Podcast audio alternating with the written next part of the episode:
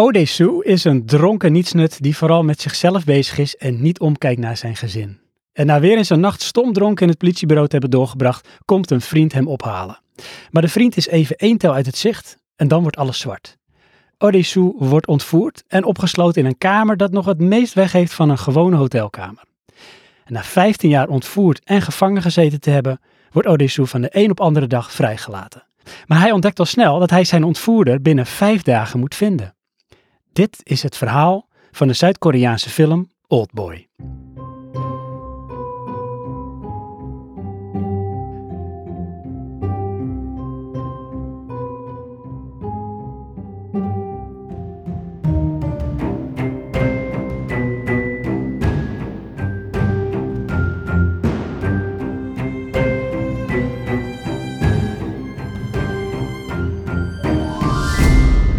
Vlak na de release van Oldboy in Europa heb ik deze gezien en ik weet nog dat hij een onuitwisbare indruk op mij maakte. En dat zat hem vooral in het gevoel wat deze film bij mij achterliet nadat ik hem had gezien. En nu, bijna twintig jaar verder, ging ik de film dan weer toch eens een keer kijken. En was ik vooraf benieuwd of deze film wederom dat gevoel bij mij achter zou laten. Nou, eh, lieve luisteraar en Mike, ik kan je verklappen dat dat wel het geval was en nog meer zelfs. Want jeetje, wat speelt deze film met je verwachtingen en wat speelt deze film met je gevoel? Ik durf te zeggen dat een ieder die deze film gaat kijken, met iets van dat gevoel dat ik twee keer kreeg, achter zal blijven. Deze film doet mij in vele opzichten denken aan Requiem for a Dream. En daarmee ga ik, terecht of onterecht, Park Chang-wook, de regisseur van uh, Oldboy, vergelijken met Darren Aronofsky. En beide films, en dan neem ik gelijk maar beide regisseurs daarin mee, die weten dus op een hele unieke artistieke wijze een verhaal in beeld te brengen en echt over te brengen. Je ziet en hoort het niet alleen, je voelt het ook echt daadwerkelijk. Old Boy kwam op 11 november 2004 in Nederland uit en hij duurt twee uur. De regisseur is Park Chan-wook. En de film is ook geschreven door Park Chan-wook en door Garen, en dan gaan we weer met die leuke achternamen Mike, Tsuchiya en Nobuaki Minegishi. Ja, Minegishi. Ja, wie kent hem niet? Cinematograaf Chung Hoon Chong. Spreek ik waarschijnlijk verkeerd uit, maar hij heeft ook ehm, de cinematografie gedaan voor Last Night in Soho en de Disney Plus serie Obi-Wan Kenobi. De muziek die is van Cho Young-wook en die heeft eigenlijk de meeste films van uh, Chang-wook van muziek voorzien. Het is in deze film hele symfonische, dramatische, orkestrale muziek, waar ook nog een soort element van elektronica in zit. Het budget van de film was 3 miljoen en hij bracht 15 miljoen euro op. En hij is uitgegeven door Show East. Mike, nu ben ik dus heel benieuwd. Want ik heb je Hmm. net verteld wat die film met mij deed. En na nog een keer kijken, nog een keer met mij deed. Ja. Maar eh, met welk gevoel liet Oldboy jou achter? Ehm, ja, dit was voor mij de tweede keer ook dat ik hem keek. Dus ik, eh, ik, ik weet niet wanneer ik hem de eerste keer heb gezien. Ik weet niet meer wat het toen bij me deed. Ik weet wel wat het achterliet qua gedachten. En dat is, eh, nou, is niet onaardig. Het is, ik heb heel veel moeite met Aziatische films kijken. Oké, Ehm, dan ben ik heel benieuwd waarom. Ja, dat is namen aan gezichten linken.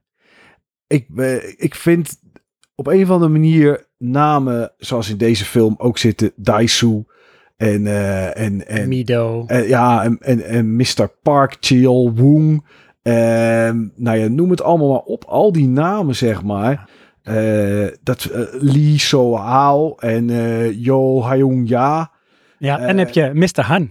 Ja, Mr. Han. Nou, dat, is dat, dat, dat gaat dan nog, zeg maar. Ja. Maar ik vind altijd de eerste keer dat ik een naam hoor in een film en ik zie niet een gezicht erbij of ze geven een hele naam en daarna noemen ze iemand alleen een keer bij de achternaam of bij de voornaam. Maakt niet uit wat voor genre het is of welke, welke waar het vandaan komt, moet ik altijd even, oh ja, dat is die.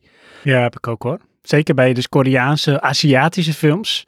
Eh, ik neem aan dat jij hem ook gewoon in de originele taal hebt gekeken. Uiteraard, ja. ja. En dan met ondertiteling uiteraard. Maar dan is het gewoon goed volgen wat er in de ondertiteling staat. Want soms heb ik niet eens door dat in de zin de naam van de persoon die wordt aangesproken wordt meegenomen. Nou, dat is, dat is waar het, ehm, dat is waar dan voor mij, ja, probleem is groot woord, maar dat is waar voor mij een beetje dan de hobbeltjes zitten. Weet je, dus het is, als je naar het verhaal kijkt, er zitten echt wel hele toffe dingen in, maar het is, de basis van het verhaal is vrij forward. Ehm, alleen je moet wel opletten. En voor mij is het dan zeg maar in zo'n geval als dit dat ik extra moet opletten. Ja, en dat is dus de taalbarrière. Daar. Ja, de taalbarrière. Ja, ja, ja. En ook omdat 9 van de 10 films die ik kijk zijn gewoon Amerikaans of Engels. Ehm, en dan luister ik meer dan dat ik de ondertiteling lees. En dus ik moet me hier ook dwingen om de ondertiteling te lezen. En dat vind ik, dat vind ik nog wel eens lastig. Ja. Ja, ja. Deze film die komt uit eh, 2003, in Nederland dan in 2004. En eh, nu voelt dat best wel als lang geleden Hmm. ondertussen. En dan kijk ik naar die film en dan had ik echt weer het idee van dit is zeg maar artistiek gezien best wel interessant. En ook helemaal niet wat ik verwacht bij een Aziatische film. Waarom niet? Wat is er dan wat je niet verwacht bij een Aziatische film? Ja, en dat kan ik dus niet onder woorden brengen. Anders dan dat als je kijkt naar, ze doen best wel veel visueel. Met bepaalde overgangen, bepaalde dingen symbolisch in beeld brengen, zoals een klok, dat soort dingen. Maar daar wordt best wel mee gespeeld in beweging en overgang naar scènes. En dat vind ik echt op een of andere manier, ja, noem ik dan maar Europees arthouse eruit zien of zo. ik weet het niet. Mm, Alsof een Koreaanse film dat niet zou kunnen. Dat is natuurlijk ontzettend denigrerend. Ja. Ik weet het, maar ja, ik weet niet. Ik vond het gewoon niet wat ik zeg maar zou voorstellen bij een Koreaanse film. En als je kijkt naar nieuwe werk, heb je bijvoorbeeld een aantal jaar geleden had je Snowpiercer. En daar had je ook nog een serie van. Daar is hij de producent van. Dus niet de regisseur, maar producent. Ehm, dat vind ik dan meer passen in hoe ik in mijn ogen een Koreaanse film zie. Of eh, Squid Game. Weet je, wel, op die manier die Ja, beelden. ja, ja, ja, ja. En dit vond ik toch meer, ja, ik weet niet. Ja, noem ik dat toch maar Europees artistiek of zo. Ik weet het niet. Ik- Daarom vergeleek ik hem ook met Requiem for a Dream. Want die deed dat in mijn optiek ook op die manier. Hmm. Nou, wat me wel opviel is 2003 komt deze film uit. Ehm, als je hem nu kijkt, heb je totaal niet het gevoel dat je naar een film uit 2003 kijkt. Nee, het is tijdloos. Ja, het is echt tijdloos. En eh, ik weet niet, ik heb er is een remake geweest, volgens mij, poeh, 2015 of 16, zeg ik even uit mijn Ja, hoofd. met Josh Brolin. Ja, die heb ik niet gekeken. Hoef je ook niet te Eh, doen. Kan nee? ik je vast vertellen. Oké. nee, lieve oké. luisteraar ook. Die hoef je niet te zien. Oké, die is niet. Maar die zou ik. Het is ook niet dat ik nu denk, die wil ik heel graag zien, zeg maar. Omdat deze film iets, eh, iets doet bij mij. Dat ik denk, ik wil kijken wat ze daarvan gemaakt hebben. Nee, wat het doet, doet het goed. Nog steeds 20 jaar na dato. Ja, want ehm, denk je dat, dat zoiets in een westerse, echt Amerikaanse eh, remake hetzelfde zou kunnen zijn? Inhoudelijk? Oeh. Eh, Of kom je dan misschien tegen bepaalde ethische dingen aan of morele dingen waar ze misschien in het oosten anders tegenaan kijken dan in het westen? Nou, er zitten natuurlijk wel één of twee scènes in die zeg maar hier ook eh, ja, de, de firestarter zijn van waarom er gebeurt met, eh met eh, of Desu wat er gebeurt. Want hè, er ligt iets aan de grondslag waarom die daar 15 jaar lang zit opgesloten. Ja. Ehm, en wat er aan de grondslag ligt, zeg maar, denk ik niet dat ze dat zo snel in een westerse film zouden doen. Dat denk ik ook niet. Dus ik, ik weet ook niet wat de film met Josh Brolin doet. Daar Wat, moet je hem voor gaan kijken. Ja. Als je dat toch wil doen, maar dat hoef je niet nee, te doen. ga ik niet doen. Want het is een hele slechte remake. Maar ehm, nu zeg maar, dit zou nu niet meer... Nee, dit is wel echt een film eh, die wel echt oosters moet zijn. Met het thema, met de manier waarop. Ja. Ehm, vooral ook wat hij in die 15 jaar doet. Dat hij in die, in die hotelkamer, in die soort hotelkamer zit. En als hij daar dan vrijkomt, ehm, nou ja, de, de, de, de gevechten, de, de struggles die hij heeft, wa- wat hij dan tegenkomt, dat zou hier niet passen. Nee, nee, Nee. inderdaad. Ja, en dat is ook meteen een heel interessant onderdeel van deze film, die overigens eh, een tweede deel uit een drieluik is, uit een trilogie. Het is de, de Vengeance Trilogy. Eh, het begon met, ehm, volgens mij, Sympathy for Mr. Vengeance. Dan heb je Oldboy en daarna heb je Lady Vengeance. Oh, Oké, en die laatste drie samen noemen ze dan de Vengeance Trilogy, omdat ze allemaal als thema wraak hebben. En dat is hier natuurlijk ook het geval. Het gaat om wraak. Ja, niet Eh, alleen, vind ik. Ik vind dat het ook wel gaat om je fouten en eh, onderkennen en je Ja. fouten toegeven. Ja, een soort redemption. Ja, ja. Boetedoening. Ehm, en ook hoe ze dat dan, daar, hoe ze daarmee spelen. Want ik zeg, deze film speelt heel erg met je verwachtingen, speelt met je gevoel. Net als je denkt van, nou, ik heb het idee dat het een bepaalde kant op gaat. Of zelfs een moment dat je denkt, nou, ik denk dat de film bijna klaar is. Dan blijkt dat er nog een uur te gaan is. Want dat Mhm. gevoel had ik beide keren. Ja. Niet op een slechte manier, maar ik had van, oh ja, was dat nu dan klaar? Oh nee, nee, er is nog een uur. Ehm, ja, en dan heb je dus de cinematografie, waarbij ze dus bepaalde dingen op een bepaalde manier in beeld brengen. Zoals, ja, vind ik de legendarische vechtscène in de gang. Ja, Ja, is fantastisch. Dat Ja. zijn dingen die, die, die soorten met filmhistorie vind ik het haast wat dan eh, gemaakt is. ja, ja, nee, dat is ook zo. Het is. ehm, Ja, ik, ik zit de hele tijd aan iets te denken en dat ga ik er toch even ingooien. Het heeft, eh, kaap ik een beetje jouw cinematografische verhaal. Maar jij zei net iets van eh, Redemption natuurlijk, en dat- door dat wat ik zei. Wat me wel opvalt in, en waarom dit denk ik westers ook niet werkt, is dat ik heb niet heel veel films gezien uit, eh, uit het oosten. Maar eh, een film die ik ook gezien heb is, is Itchy the Killer. Wat daar ook in zit, en dat zit hier ook in, is dat er toch altijd een hele grote mate van onderdanigheid in zit. Van echt van boetedoening. En dat is hier ook. En daarom denk ik ook dat het niet zou werken in het Westen. Mensen die zichzelf eventueel willen verminken of eh, die zeggen van ik ben voor eeuwig, weet ik veel, jouw dienaar of ik ben voor, weet je, dat soort Ja. dingen zitten Ja. zit hier ook in. Ja, dat is er misschien echt wel cultureel ingegeven. Ja, dat denk ik wel. Ja, Ja. ja, ja. Maar eh, qua beeld en dat soort dingen, ja, ze doen een heleboel interessante dingen. Het is van dingen die van bovenaf gefilmd worden, van flatgebouwen en zo. Het is ja, net allemaal even anders dan wat we gewend zijn als het uit Hollywood komt. En het is bij tijd en wel is het ook best wel eh nou, expliciet of gewelddadig. Maar het is altijd met een soort komische knipoog. Want het is nooit echt heel zwaar, hoewel het thema best wel zwaar kan zijn. Ehm, zeker naar het einde toe. En dat wordt dan steeds duidelijker als je de film gaat kijken. Wat je echt ook niet ja, moet verklappen, zeg maar, eh, voor deze film. De- deze film heeft wat mij betreft wel een soort Six Sense factor erin zitten. Hmm, nou, die gaat mij net iets te ver. Want dat was wel echt een hele twist en turn, zeg maar. Dat vond ik bij deze misschien iets minder. Nou, laat ik zeggen, hetgeen wat op een gegeven moment naar de oppervlakte komt. Mhm. Ik denk dat niemand nagenoeg die deze film nog nooit heeft gezien, dat tot dat moment gaat voorspellen dat dat zo is. Nee, ik, ik snap wat je bedoelt. Dat is niet iets wat je zomaar bedenkt.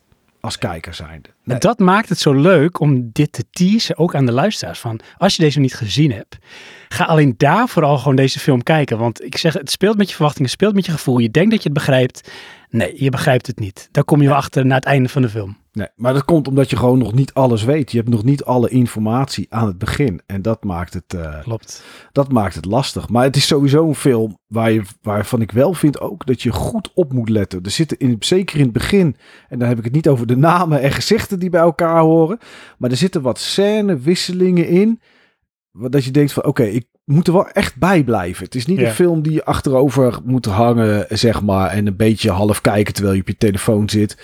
Wat bijvoorbeeld bij een Mission Impossible of wat dan ook wel zou kunnen. Ja, precies. Ehm, maar dat gaat hier niet. Je nee, moet wel nee, echt hier moet je echt ja, bij de les blijven, want anders mis je misschien eh, cruciale dingen. Ja. En dat zou zonde zijn. Ehm, ja, wat vond je voor de rest van eh, de acteurs en de rollen die zij speelden? Ik heb bewust voor de rest geen namen genoemd, want ja, ik kan ze gewoon niet uitspreken. En bij de meeste mensen zijn deze ook gewoon nagenoeg onbekend. Ja, allemaal Zuid-Koreanen waarschijnlijk. Ehm, maar sprong er iets voor je uit? Of had je ziet van, nou, ik, ik vind de manier van acteren interessant of juist bijzonder of slecht? nou, het is eigenlijk... Ja, daar zou ik terug moeten gaan naar de eerste keer dat ik hem keek natuurlijk. En dat is echt te lang geleden. Want dat is denk ik... Ik denk dat het 2005 of 2006 is geweest of zo dat ik hem, eh, dat ik hem gezien heb. Het is in ieder geval nergens stoort het. De, de, de personages passen. Ehm, nee, ik heb eigenlijk helemaal geen rare of opvallende dingen daarin. Jij wel? Nou, één ding is dat de hoofdpersoon, dus eh Desu of Odesu, Ja, Choi Ming-sik. Ja, die speelt hem inderdaad. Dank je voor het uitspreken. Ja, Joy Min-sik, ik ken hem wel. hoor. Ja, dat is hem. Ehm, ik vond het zo grappig dat de film begint dus in ehm haast een soort documentaire, is ook bewust zo geschoten in een politiebureau en daar is een dronken man. En dat is hij. En nou, op een gegeven moment nou, gebeuren dingen, hij wordt ontvoerd, maar ik moest dus de eerste keer en de tweede keer ook alweer een beetje goed opletten van, is hij dat nou? Hij is zo anders hoe hij Mm. eruit ziet. Hij, ma- hij doormaakt, of doorgaat echt een metamorfose. Ja. In de film ook wel een paar keer. Hij heeft heel veel gezichten eigenlijk. Ja, dat is wel zo. Hij begint natuurlijk als een dronken lore die, ja, eh, een beetje, beetje olijk en een beetje overdreven en eh, een beetje, beetje zo. Ja, En dan, ja, 15 jaar later is hij natuurlijk verbitterd als maar zijn kan. Ja. Eh, met een ander uiterlijk, 15 jaar ouder, een ander fysiek. Ja, dan is hij wel in één keer een ander persoon inderdaad. Dat wel. Ja, ja, ja. ja. ja.